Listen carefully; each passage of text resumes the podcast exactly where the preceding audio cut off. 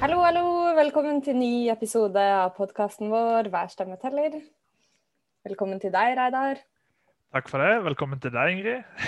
Veldig hyggelig å ha deg med eh, fra start denne gang. Ja, det er vilt travle tider. altså Mye møter og planlegging og ting som skal gjennomføres. Så da, da blir det syv minutter eh, mellom to, to, møter av og til. Men eh, i dag har jeg tid, så det er fint. Det er veldig bra. Hvordan hva har du drevet med i det siste? Er det noe nytt uh, utenfor, uh, utenfor landsmøteplanlegging og ja, for, uh, for, min egen del så, så, tok jeg faktisk lappen forrige uke. Wow! Ja, det er veldig Gratulerer. Kjekt. Tusen takk. tusen takk. Det er, det er, jo veldig praktisk å ha på plass. Nå har jo jeg en, en, jobb i Rødt som har gjort at jeg har reist mye rundt. Eh, og for så vidt det samme med, med reisinga mi i USA i forbindelse med den boka jeg har skrevet. Sånn, så har jeg jo vært og reist både Norge rundt og USA rundt. Og det har ikke vært sånn kjempepraktisk eh, når man ikke har, eh, har, lappen og har muligheten til å enten kjøre egen bil eller å, å, å leie bil. Eh, samtidig så har det vært en ganske gøy utfordring da, å vise at det er mulig å reise rundt i, i Finnmark og i Nord-Trøndelag og i Hordaland og, og i Sogn og Fjordane og hvor det måtte være uten, uten lappen. Det, det, er fullt mulig, men det krever litt jobb og mye organisering. Da. Så eh, veldig kjekt å, å, ha den på plass. Det skal jeg innrømme. altså nå, Du har lagt eh, kollektivtransport helt på hylla for alltid nå, eller? Nei, på ingen måte. Jeg bor jo veldig greit til i Oslo, eh, sentralt, hvor man ikke trenger bil så mye. Så er veldig glad for at det finnes en sånn veldig kollektiv og fin ordning noe som heter Bilkollektivet, som finnes der vel i Oslo og Stavanger det finnes. Hvor, som er et, det er ikke et selskap, det er sånn non-profit eh, som skal gå i null, men som, eh, som er en slags bildelering eh, med profesjonelle folk som, som styrer sjappa. Eh, så jeg har blitt medlem der, fått en, eh, en andel i, i bilkollektivet. Så nå skal jeg leie meg bil de gangene jeg trenger det. Og så prøver jeg å sykle og ta buss og sånn, når, eh, sånn ellers. Men uh, veldig kjekt å ha muligheten. Det høres veldig lurt ut. Men hva med, hva med deg, Ingrid? Hva er det du holder på med for, for tida? Du er ganske travel, du, vet jeg. Ja, altså jeg driver jo og lager podkast, da. Det tar opp eh, ca. all eh, min tid. ja da, jeg gjør litt annet også. Jeg holder på å skrive en masteroppgave. Eh, så i dag har jeg hatt eh, ikke mindre enn to intervjuer. Det ene intervjuet er det vi skal få høre her i dag, hvor jeg har snakka med eh, førstekandidat i Finnmark, som heter Lars Ivar Være. Eh, og det intervjuet det skal dere få høre nå veldig snart. Og så har jeg hatt et annet intervju, og det var eh, i forbindelse med min masteroppgave, hvor jeg har snakka med en tillitsvalgt i Fagforbundet. For jeg skriver om eh, mulighetene for eh, grønne tarifforhandlinger og grønt eh, partssamarbeid. det må du forklare hva det betyr. Ja, Det jeg lurer på, da, er hvilken rolle fagbevegelsen egentlig skal spille i det vi snakker om som eh, det grønne skiftet, eller grønn omstilling. Og som Rødt-medlem så er jo jeg veldig opptatt av at det skal være rettferdig. Og da tenker jeg at fagbevegelsen spiller en kjempeviktig rolle. Fordi vi alle sammen, vi, jo, vi har jo ulike roller i dette livet. Vi er, altså vi er velgere, eh, og vi er arbeidstakere, og vi er eh, byboere eller bygdboere eller ja, vi, vi, går rundt med forskjellige hatter, da. Men den arbeidstakerhatten, den er jo ganske stor. Det utgjør ganske mye av livet vårt. Så jeg syns jo det er viktig at vi har muligheten til å utøve demokrati og at vår mening skal ha noe å si, også i kraft av å være arbeidstaker. Og det er jo ganske interessant da, hvis du kobler på sånn som du snakker om det å bruke bil eller kollektiv. Så kan man tenke seg at uh, det kanskje går an f.eks. Å, å stille krav til arbeidsgiver om at man har uh, at man har uh, fossilfrie transportmuligheter på arbeidsplassen sin, f.eks. Et eksempel på det er vel, er vel, hjemmehjelptjenesten i Oslo, hvor det er veldig mange som har elsykler mm -hmm. som en del av jobben sin. Mm -hmm. Ja, det kan jo ses på som et sånn grønt eh, tiltak eller forhandlingspunkt lokalt. Og så kan man løfte hele tematikken opp til det store bildet, og det som handler om styring, og det som handler om eh, reell medbestemmelse og demokrati, og sånne spørsmål som vi i Rødt er veldig opptatt av, og som også premissene legges gjennom stortingsvalget. Ikke sant. Åh, veldig, veldig spennende. da. Vi må få til et sånn bokbad av det når du er ferdig med, med masteroppgaven. ja, da blir det lansering og taler og Nei, da blir det revolusjon. Det er det som skjer. Ja, det blir bra. Nei, men uh, vi, vi, får få til at uh, jeg intervjuer deg uh, om, om masteroppgaver. Det tenker jeg er bra, bra innhold på podkasten. Og det, det, tror jeg det er mange som har lyst til å, lyst til å lære mer om. For vi vet jo at fagbevegelsen med, med, sine virkemidler har veldig mye makt og innflytelse hvis man bruker den.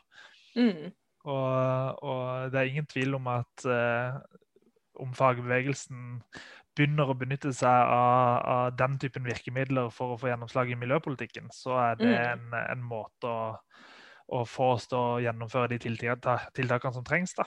Så det mm. er veldig, veldig spennende. Ja, og den brobyggingsprosessen mellom, mellom, fagbevegelsen og miljøbevegelsen, der tenker jeg at vi som Rødt også spiller en kjempeviktig rolle da, med å forstå hvilke interesser eh, både motsetninger og eh, foreninger som er, som er mulige. Mm, absolutt. Nei, jeg gleder meg til å, til å, lese, altså. Men nå tenker jeg at vi må peile ørene nordover, så langt nord som eh, vi kommer. Eh, for jeg har snakka med eh, Lars Ivar Være, førstekandidaten vår i Rødt Finnmark. Det får du høre nå. Hei, velkommen til eh, podkasten vår, eh, Lars Ivar Være. Jo, tusen takk for at jeg får lov til å være med. Nå oppsummerte vi akkurat litt før vi begynte å snakke her, at uh, du går både under Lars og Lars Ivar. Ja, det stemmer. Uh, det, foreldrene mine er glad i å bruke begge navnene, men stort sett så jeg nøyer meg med det første fornavnet mitt. Ja. Men du, da sier jeg Lars. For du, Lars, du er uh, førstekandidat for uh, Rødt til stortingsvalget fra Finnmark. Og sånn jeg skjønner det, så er du fra Hammerfest. Er det der du bor også?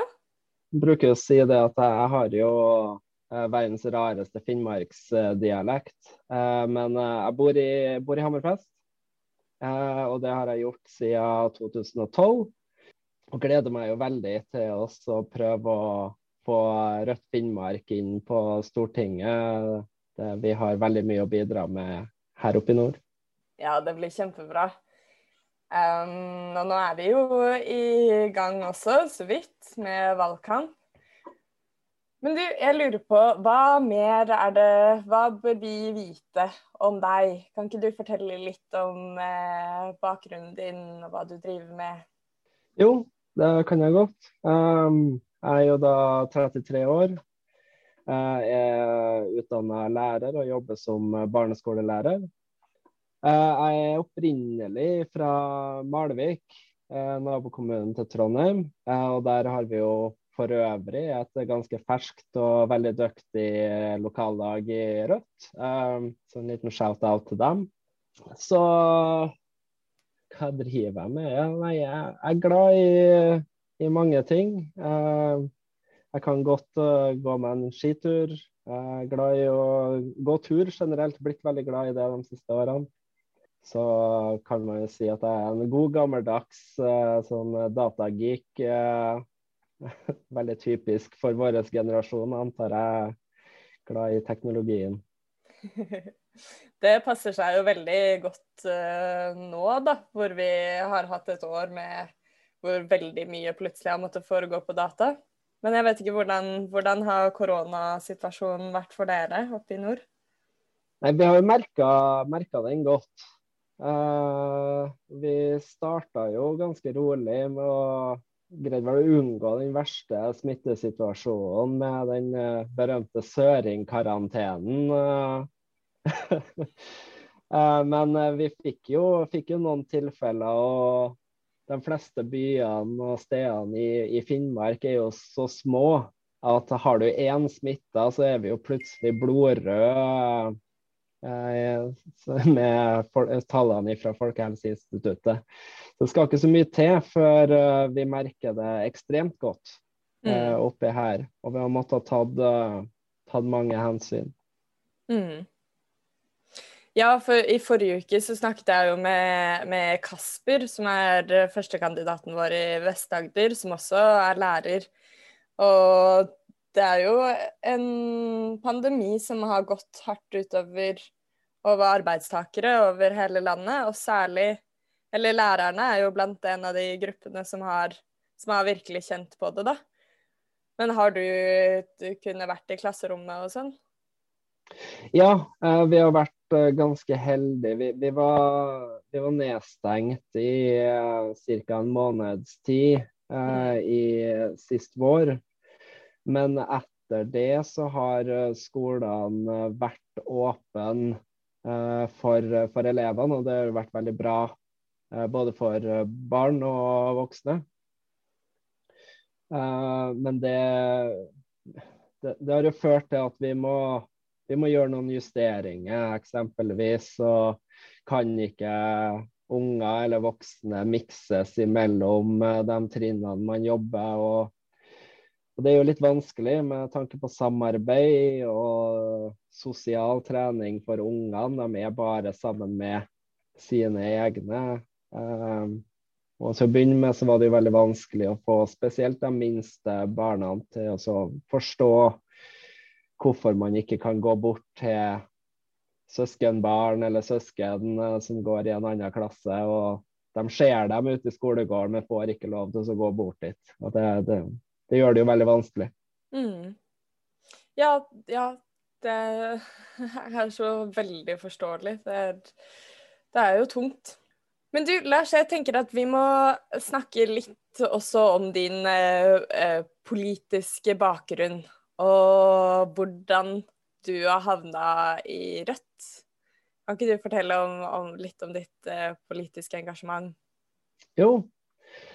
jeg har alltid vært politisk interessert, men uh, i, i, ungdommen så var jeg Jeg hoppa litt. Det gikk mer på at jeg, jeg så på politikk som, som et forskningsfelt uh, heller enn noe jeg engasjerte meg i sjøl. Uh, men sånn, jeg er jo veldig jeg er egentlig ganske dårlig til å fortelle historier, men jeg skal prøve å fortelle dem likevel. Mm. Fordi jeg gikk jo på videregående på begynnelsen av 2000-tallet, så rundt 2005. Og det her er jo kort tid etter at Rød Ungdom har blitt bøtelagt uh, pga. at de legger ut skolebøker gratis på nett. Uh, for det her Jeg måtte jo kjøpe mine egne skolebøker. Mm. Uh, og jeg satt på Trondheim torg, uh, solgte skolebøkene mine videre til andre. Uh, og så hørte jeg på en appell som SVs eh, Øystein Djupedal holdt i forbindelse med valgkampen i 2005. Eh, og han lova jo velferd til alle, gull og grønne skoger. Jeg trodde oppriktig på det han sa. Uh, og de gjorde jo et brakvalg. Og så kom Soria Moria-erklæringa etterpå. De går inn i regjering med Arbeiderpartiet og Senterpartiet, og jeg opplever at jeg har blitt løyet til. Mm. Uh, de gjennomfører ingen av løftene som jeg opplevde at de kom med, uh, og jeg ble sint. jeg ble så skuffa, og jeg meldte meg da tvert inn i Rød Ungdom. Uh, fordi jeg tenkte at det her, det her kan vi ikke stå for. vi at vi trenger et alternativ. Og da, da ble RV i den tida da, og Rød Ungdom ble min vei inn. Så jeg hadde ikke noe eget lokallag, men jeg var med i, i Trondheim Rød Ungdom uh, i en periode. Mm. Etter det så har jeg jo gått gjennom uh, tillitsvalgsapparat. og Det har vært uh, jeg har vært tillitsvalgt på høyskolen, på lokalt og regionalt og nasjonalt nivå. Når jeg ble ferdig utdanna, så ble jeg tillitsvalgt i arbeidstakerorganisasjonen og etter hvert hovedtillitsvalgt på fulltid. Mm. Så jeg takker Øystein Djupedal for at han tente en gnist i meg, om ikke annet. Ja, Det høres jo ut som en historie som jeg tror mange, både Rødt-medlemmer og velgere, kan kjenne seg igjen i. Ja, det vil jeg tro. Og da tok du også med deg eh, Rødt-medlemskapet opp til Finnmark, da? Ja. Eh, jeg, jeg, sto som eh, medlem i Trondheim Rød Ungdom i litt flere år enn kanskje egentlig var nødvendig. Eh, og i forkant av eh, siste kommunevalg i 2019, så plutselig så kom det meg for øre at uh, det skulle startes opp et uh, rødt lag uh, i Hammerfest. Mm. og vi, jeg stilte jo opp, og ble jo overraska over hvor mange det egentlig var, for jeg trodde ikke det var så mange. Og vi greide å hoste opp ei liste ganske fort. Vi oppretta et lokallag. Uh, og gjorde et uh, overraskende godt valg uh, på første forsøk i Hammerfest. Og siden da så har det jo bare gått steg for steg. Ja. ja. Hvordan var det da, å drive valgkamp i Hammerfest? Det var, det var interessant. Jeg jeg skulle jo egentlig ikke Jeg på, endte jo opp med å stå på toppen av lista der også. Uh, men uh, det var egentlig ikke planen. Uh, men det ble nå sånn. Ja. og da, da, ble jeg jo kasta litt inn i, i, en ny verden med debatter med til dels drevne politikere. Mm. politikere som har sittet på fulltid over tid. Eh, og vi må ta stilling til mange saker som vi kanskje ikke har måttet ta stilling til tidligere. Eh, men eh, det, det, var, det var, veldig spennende, og vi opplevde at vi var et friskt pust når vi snakka om fiskekvote, når vi snakka om gratis SFO og barnehage. Vi prøvde også å ta fram velferdssaker for for de mange og dem som trenger det, fremfor å snakke om hver manns for seg sjøl, som vi opplevde kanskje de andre partiene sin holdning var. Mm. Ja, og din erfaring som tillitsvalgt kom vel godt med da også? Jo, absolutt. Jeg, jeg merka at uh, erfaringen min med å jobbe med uh, med saker. uh, det å ha stått foran ei forsamling og, og snakka tidligere var, var, god trening. Eh, og absolutt. Og, og det, det, å ha det arbeidstakerperspektivet så tett på var en styrke. fordi jeg kunne snakke med ikke bare troverdighet, men også realisme for veldig mange. At jeg mm. beskrev situasjoner som er, er reelle. Mm. Uh, og det, det, føler jeg det, det, er rollen til Rødt. Uh, vi, vi, snakker på vegne av de mange. De som jobber på, på gulvet, uansett hvor, noe, hvor enn det gulvet måtte være. Mm. Ja. Men du, når vi først der eh, snakker om eh om eh, valgkamp i Finnmark. Nå er jo ikke Finnmark eh, offisielt et eget fylke lenger, men eh, fremdeles et valgdistrikt. Hva, du har vel sikkert noen meninger om det? Ja, jeg har absolutt uh, mening om det. Og Hvis du spør befolkninga her i Finnmark, så er vi fortsatt et eget fylke. Eh, det, den regionreformen har ingen aksept i, i, Finnmark. Uh, det, vi anser det som et stort overtramp av regjeringa. Så, så, det blir jo det blir logisk nok en av de viktigste sakene også for oss. Hvor vi er nødt til å få en skilsmisse fra Troms. Ikke det at vi har så forferdelig mye mot Troms, men det er mer at det er noe merkelig med at vi skal ha et, en region eh, som er større enn eh, flere andre fylker og regioner i, i Norge som det er. Mm. Eh, du, du, bruker jo omtrent eh, et døgn på å reise fra sør i Troms til lengst øst og nord i, i Finnmark. Og da er, da er, det for meg helt uforståelig at uh, det skal styres fra Tromsø. Mm. Ja, for det blir vel en slags uh, innskrenking av uh, lokaldemokratiet og, og, selvråderetten. Det er jo ikke de samme spørsmålene som gjelder sør i Troms, gjelder jo ikke nødvendigvis over hele Finnmarksvidda. Nei, det gjør ikke det. og hvis det er én ting jeg føler at jeg har lært ved å bo i Finnmark, så er det at Finnmark kan ikke sammenlignes med noen andre områder i Norge. Det er noe helt eget. Mm. Uh, en, en totimers kjøretur er, det er en svipptur i, mm. i Finnmarks målestokk. Uh, det, det, men det bor folk på hvert et nes. Eh, overalt så, så, dukker det opp små eh, strøk der det, det, bor et lite samfunn.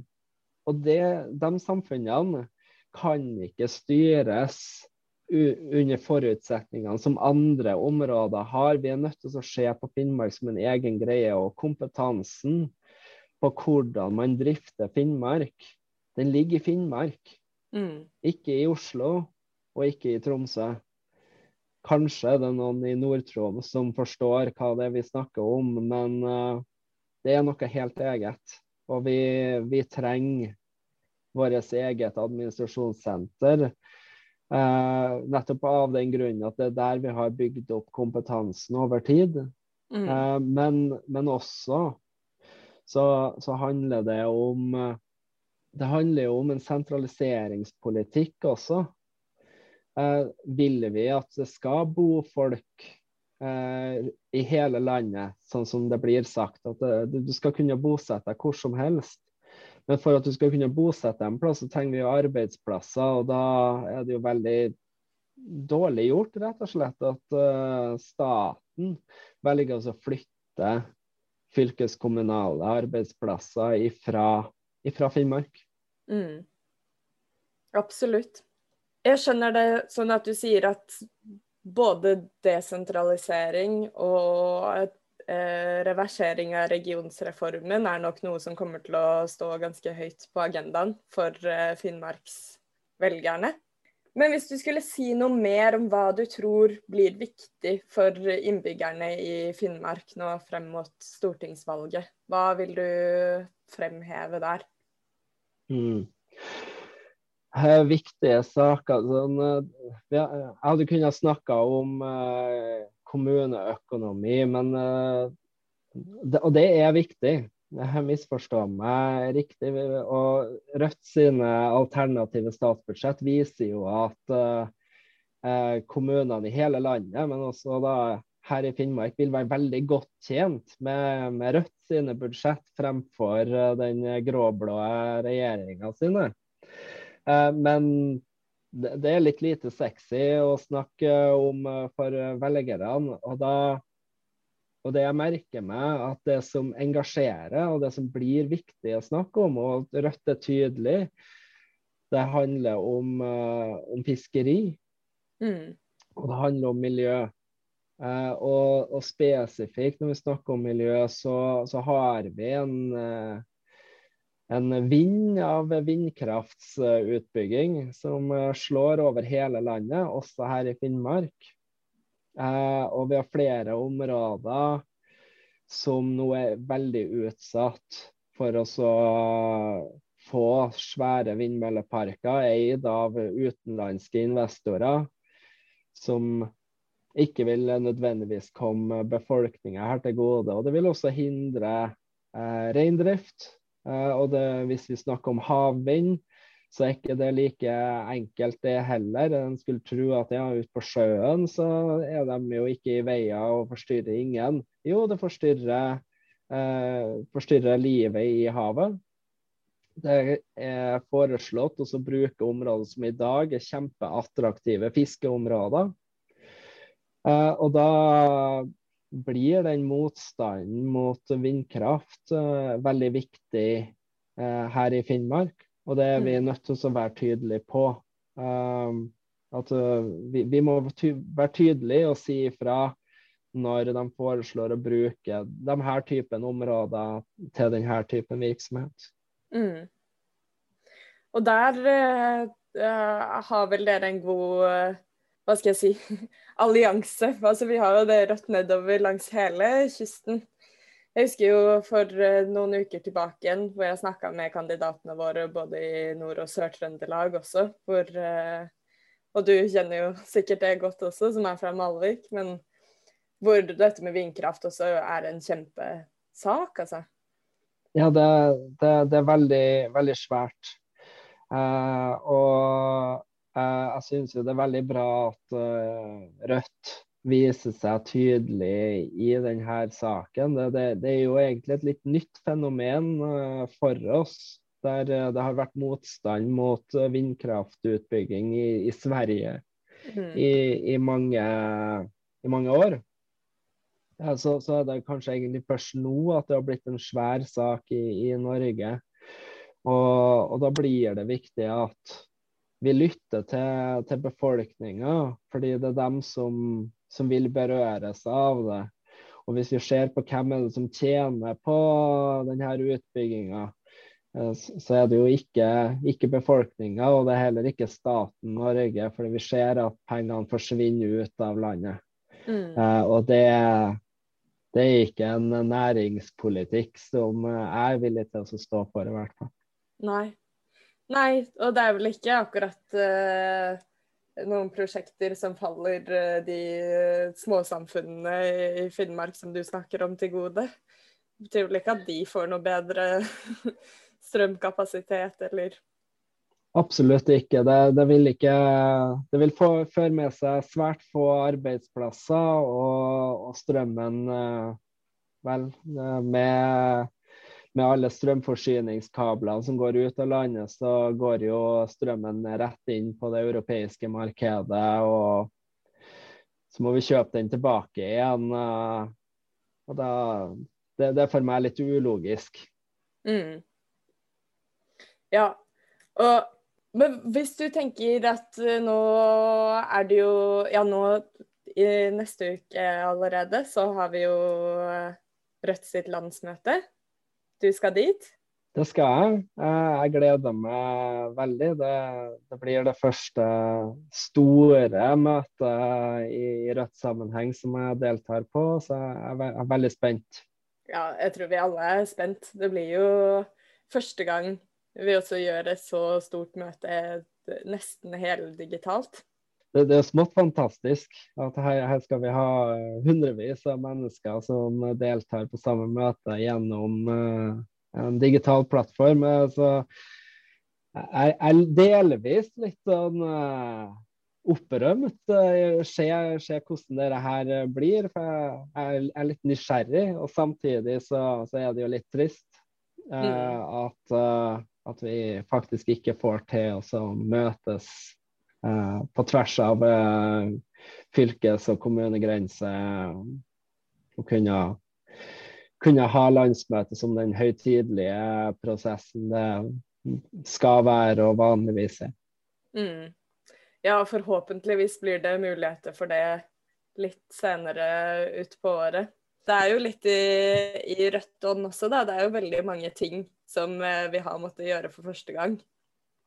Men jeg tenker etter landsmøtet, da er jo egentlig det vi tenker på som starten av valgkampen. Og hvordan kommer du og resten av, av Rødt i Finnmark til å jobbe med å med å snakke med befolkningen og overbevise folk om at Rødt sin politikk vil komme, komme de fleste til gode? Ja, Finnmark uh, Jeg har tenkt mye og lenge på hvordan skal vi egentlig prøve å, å gjøre en uh, god valgkamp i, i Finnmark. Det, det, er langt mellom vest og øst. Um, og det bor folk så godt som overalt, som jeg var inne på tidligere. Og jeg tror jo at det blir det blir veldig viktig at vi er fysisk synlig i hele fylket. Mm. og jeg har jo jeg har veldig lyst til å, å reise, reise, rundt. og og fære dit folk er, og, og treffe dem og snakke med dem og høre på hva, hva, er det de egentlig bryr seg om, hva, hva er viktig for dem. Eh, og, og, prøve å se om ja, har Rødt løsningene som passer for akkurat deres utfordringer. Og det tror jeg vi har. Eh, fordi vi har vi, vi, er ikke et ensaksparti. Eh, vi, vi, har god politikk eh, gjennom hele linja. Og jeg tror at vi vil kunne treffe veldig mange hvis vi bare greier oss å formidle politikken vår på, på en ryddig og, og, god måte. Men uh, vi, vi, er òg forberedt på at uh, 2021 uh, blir ikke så forferdelig annerledes i sammenlignet med 2020. Så vi, vi, tenker nok at vi, vi, må nok tenke alternative valgkampstrategier også. og Da må vi jo kanskje ta litt inspirasjon fra Marie Sneve sine Tid for tall-videoer, og, og, og, kjøre litt uh, info, infotainment på, på Facebook eksempelvis. Instagram. Eh, vi må være tydelige i lokalaviser. Vi har mange lokalaviser i Finnmark. Så mm. der må vi være. Ja. ja. det er jo kanskje en fordel, da. Å ha, ha mange små lokalaviser. Da kan man, eh, kan man, få inn litt overalt. Ja. Ja, det blir veldig spennende. Jeg gleder meg masse. Og som de fleste andre håper jo virkelig på en valgkamp der hvor det går an å treffe folk. For det er jo til syvende og sist det som er, er det viktigste. Det er det som betyr noe, egentlig. Og det, det, det blir litt, litt eh, sånn som når eh, koronaen sto på på det verste. og de fleste av kollegaene mine i læreryrket virka som det var det som var det store spørsmålet. Hva er poenget hvis vi ikke får uh, treffe folk, hvis vi ikke får treffe unger.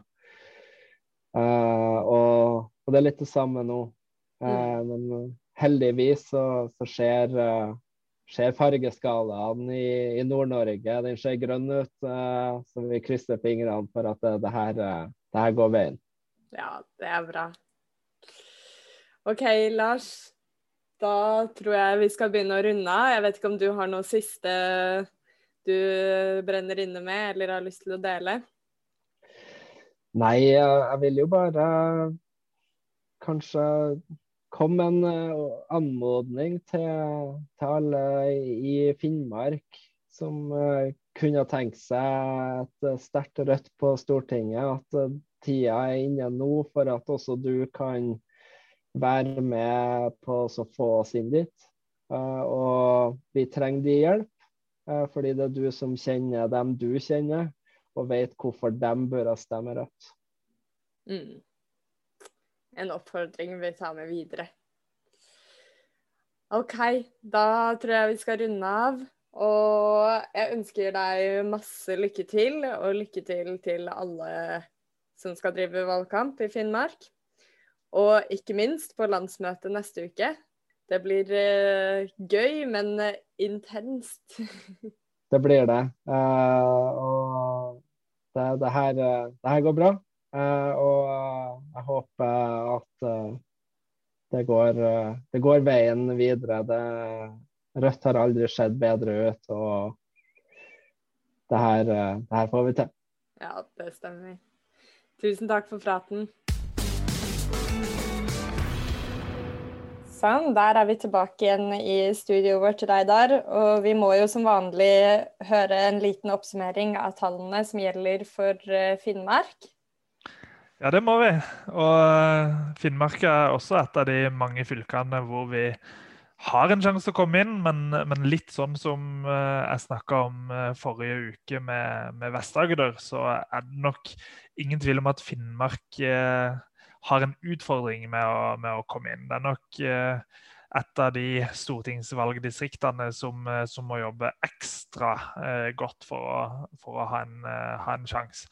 Og i hvert fall når man snakker om direktemandat, så må eh, for å være helt sikker på å komme inn, matematisk helt sikker, så må Lars Ivar og, og Rødt i Finnmark få rundt 20 og Det er jo fordi de har eh, få stortingsmandater å, å krangle om. Så, så, da må man eh, lykkes, eh, lykkes veldig. Eh, og Det skal nok litt til at eh, Rødt får 20% men eh, målingene som, eh, som, har kommet i det siste Det har kommet én måling for Finnmark, og da fikk Rødt 4,8% Så det var jo en veldig solid måling, vil jeg si. Mm. Eh, valgresultatet fra fylkestingsvalget sist i Finnmark det var 3,3 eh, så, så, det er en ganske klar vekst om, eh, om det holder, holder, helt inn. Så kan selvfølgelig Lars Ivar eh, komme inn med utjevningsmandat. Eh, og der er det jo, som jeg alltid sier, et veldig vanskelig regnestykke for å finne ut eh, hvem det er som, som får det. Eh, men eh, på den målinga som, eh, som, kom i februar, så var Rødt klart større enn både Miljøpartiet, Venstre og KrF, i hvert fall. Så det er ikke våre konkurrenter om, om siste mandatet. Men det er klart SV eh, og Høyre, som begge ikke kjemper om eh, direktemandat i denne målinga, eh, er nok kanskje favoritter før oss til, til å få dette direktemandatet. Så kan jeg jo si også at i den eh, målinga som kom nå sist, så er det faktisk Frp som får det siste direktemandatet fra Finnmark, og det med 13,8 eh, så det viser jo at, eh, at, denne matematikken med de 20 den stemmer ikke alltid. Det kommer helt an på hvordan stemmene er fordelt mellom de ulike partiene. Mm. Så, så, hvis Lars Ivar klarer 13,8% så kan han komme inn med direktemandat. Men det er jo, det er jo eh, kanskje litt mye å håpe på. Ja, men ikke nødvendigvis helt usannsynlig. Nei, og Finnmark er jo eh, et stortingsvalgdistrikt og tidligere fylke som har god grunn til å, til å lage litt revolusjon, for, for, å si det på den måten. Det, de har jo utrolig mye ressurser og utrolig mye areal, eh, og veldig lite av de ressursene ender, ender tilbake i lokalsamfunnene. Så, og det handler jo både om fisk og mineraler og, og i det hele tatt. Så, mm. så, hvis man klarer å mobilisere litt på den typen grunnlag, så, så vet man aldri hva som kan skje. Altså, Lars Ivar er en dyktig kandidat, så mm. la oss krysse fingra. Ja, og det virker jo som at det er dit eh, de er på vei til å peile seg inn også. Mm. Og kanskje du får dra opp en tur der, Reidar, med bilkollektivbilen din og hjelpe til på, på de lange strekkene. Det, det, hadde vært veldig gøy. Vi får se hva jeg finner tid til. Men, uh, men jeg kan uh, leie meg en Det er kanskje vanskelig med elbil foreløpig, men hvis, hvis Rødt får litt gjennomslag til høsten, så, så blir det jo ladestasjoner som gjør at man faktisk kan kjøre rundt med elbil i hele landet, og ikke bare på, på Østlandet. Mm. Men du, når vi snakker om tall, så er det jo Jeg tenker det er to andre ting vi må nevne. Og det ene er uh, noen andre målinger som har kommet i det mm. siste. For Rødt har fått noen ganske fine målinger. Det har vi, så, og det har vært veldig gøy. Det har kommet tre sånne stortingsvalgmålinger fra ulike distrikter eh, denne uka, og alle tre eh, var rekordmålinger for, eh, for, Rødt. Og den første som kom, det var i Rogaland.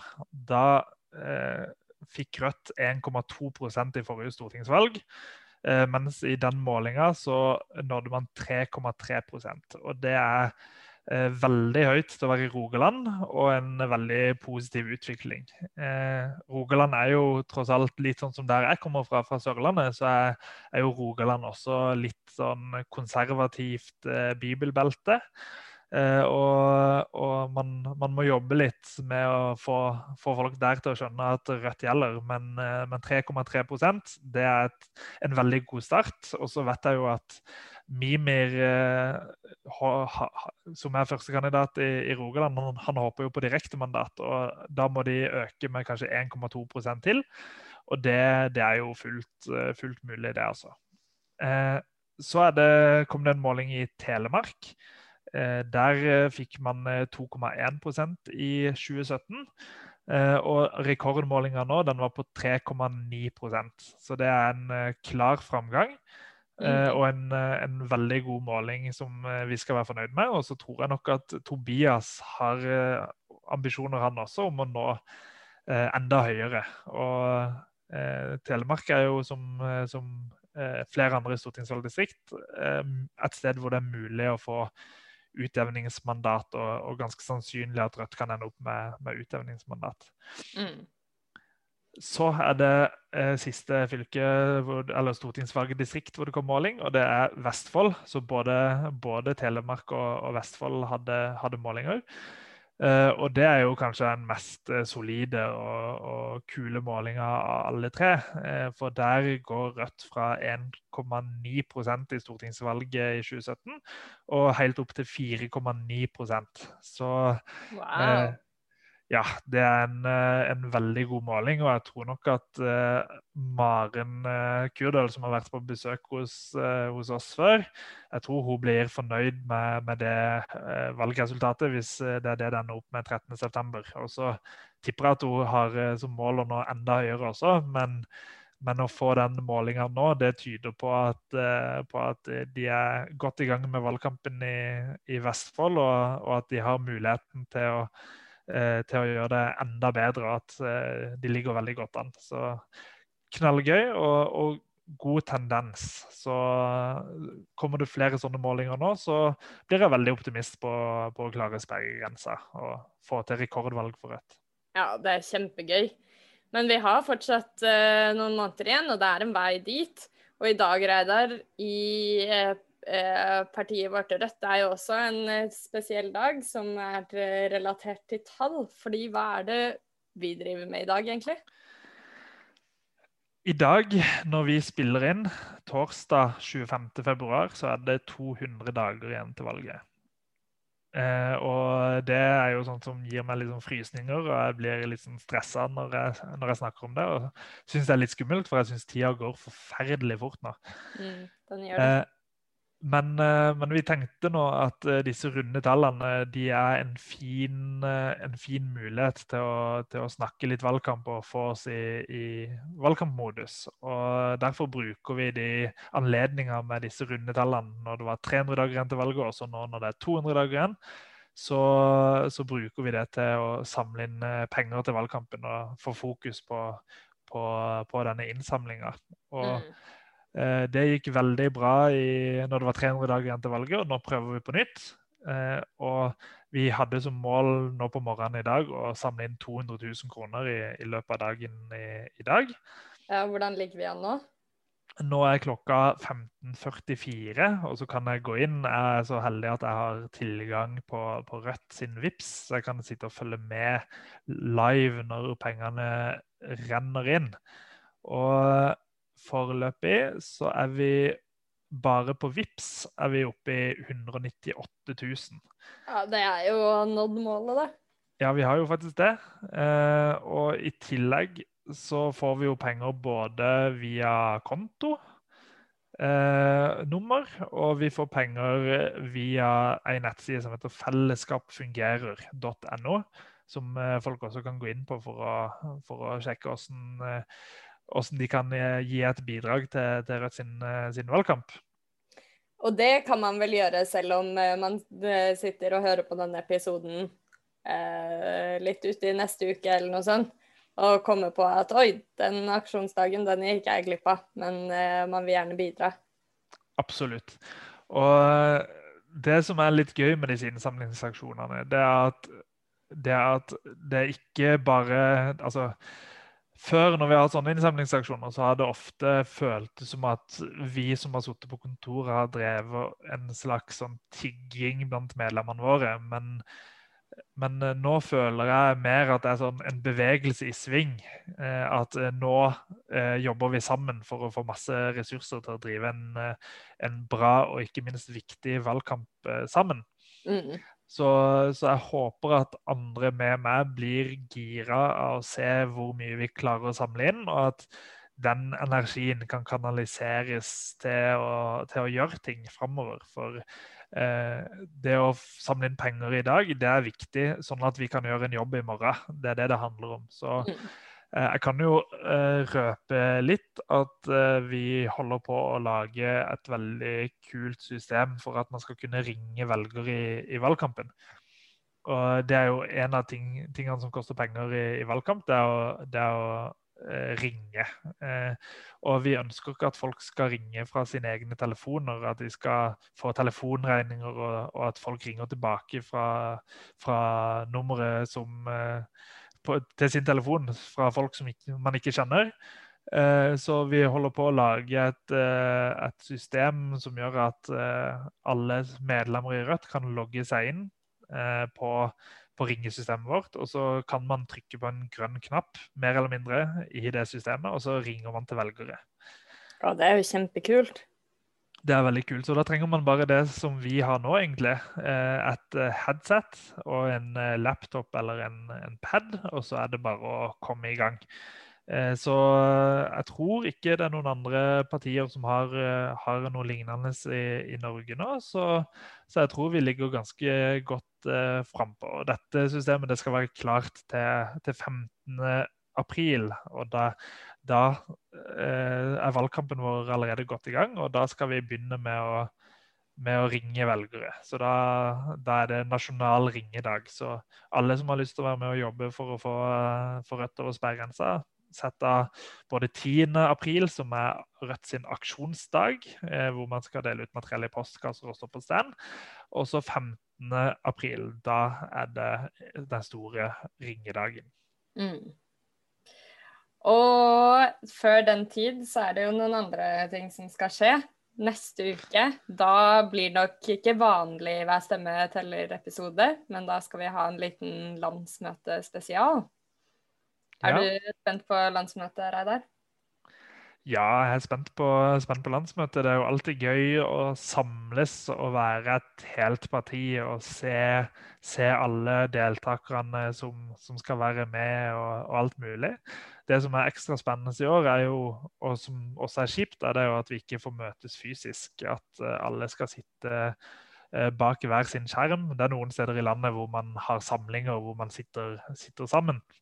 Men, men, det blir liksom eh, ikke helt det samme da, som å sitte i en landsmøtesal med 300-400 deltakere og, og presse til stede og alt mulig. Så, så jeg er jo veldig spent på om alt det tekniske fungerer når ikke alle har muligheten til å måte, møtes og, og, og sånn som vi, er, som vi, er, vant til. Så det er kanskje det som er aller mest spennende i år. Mm.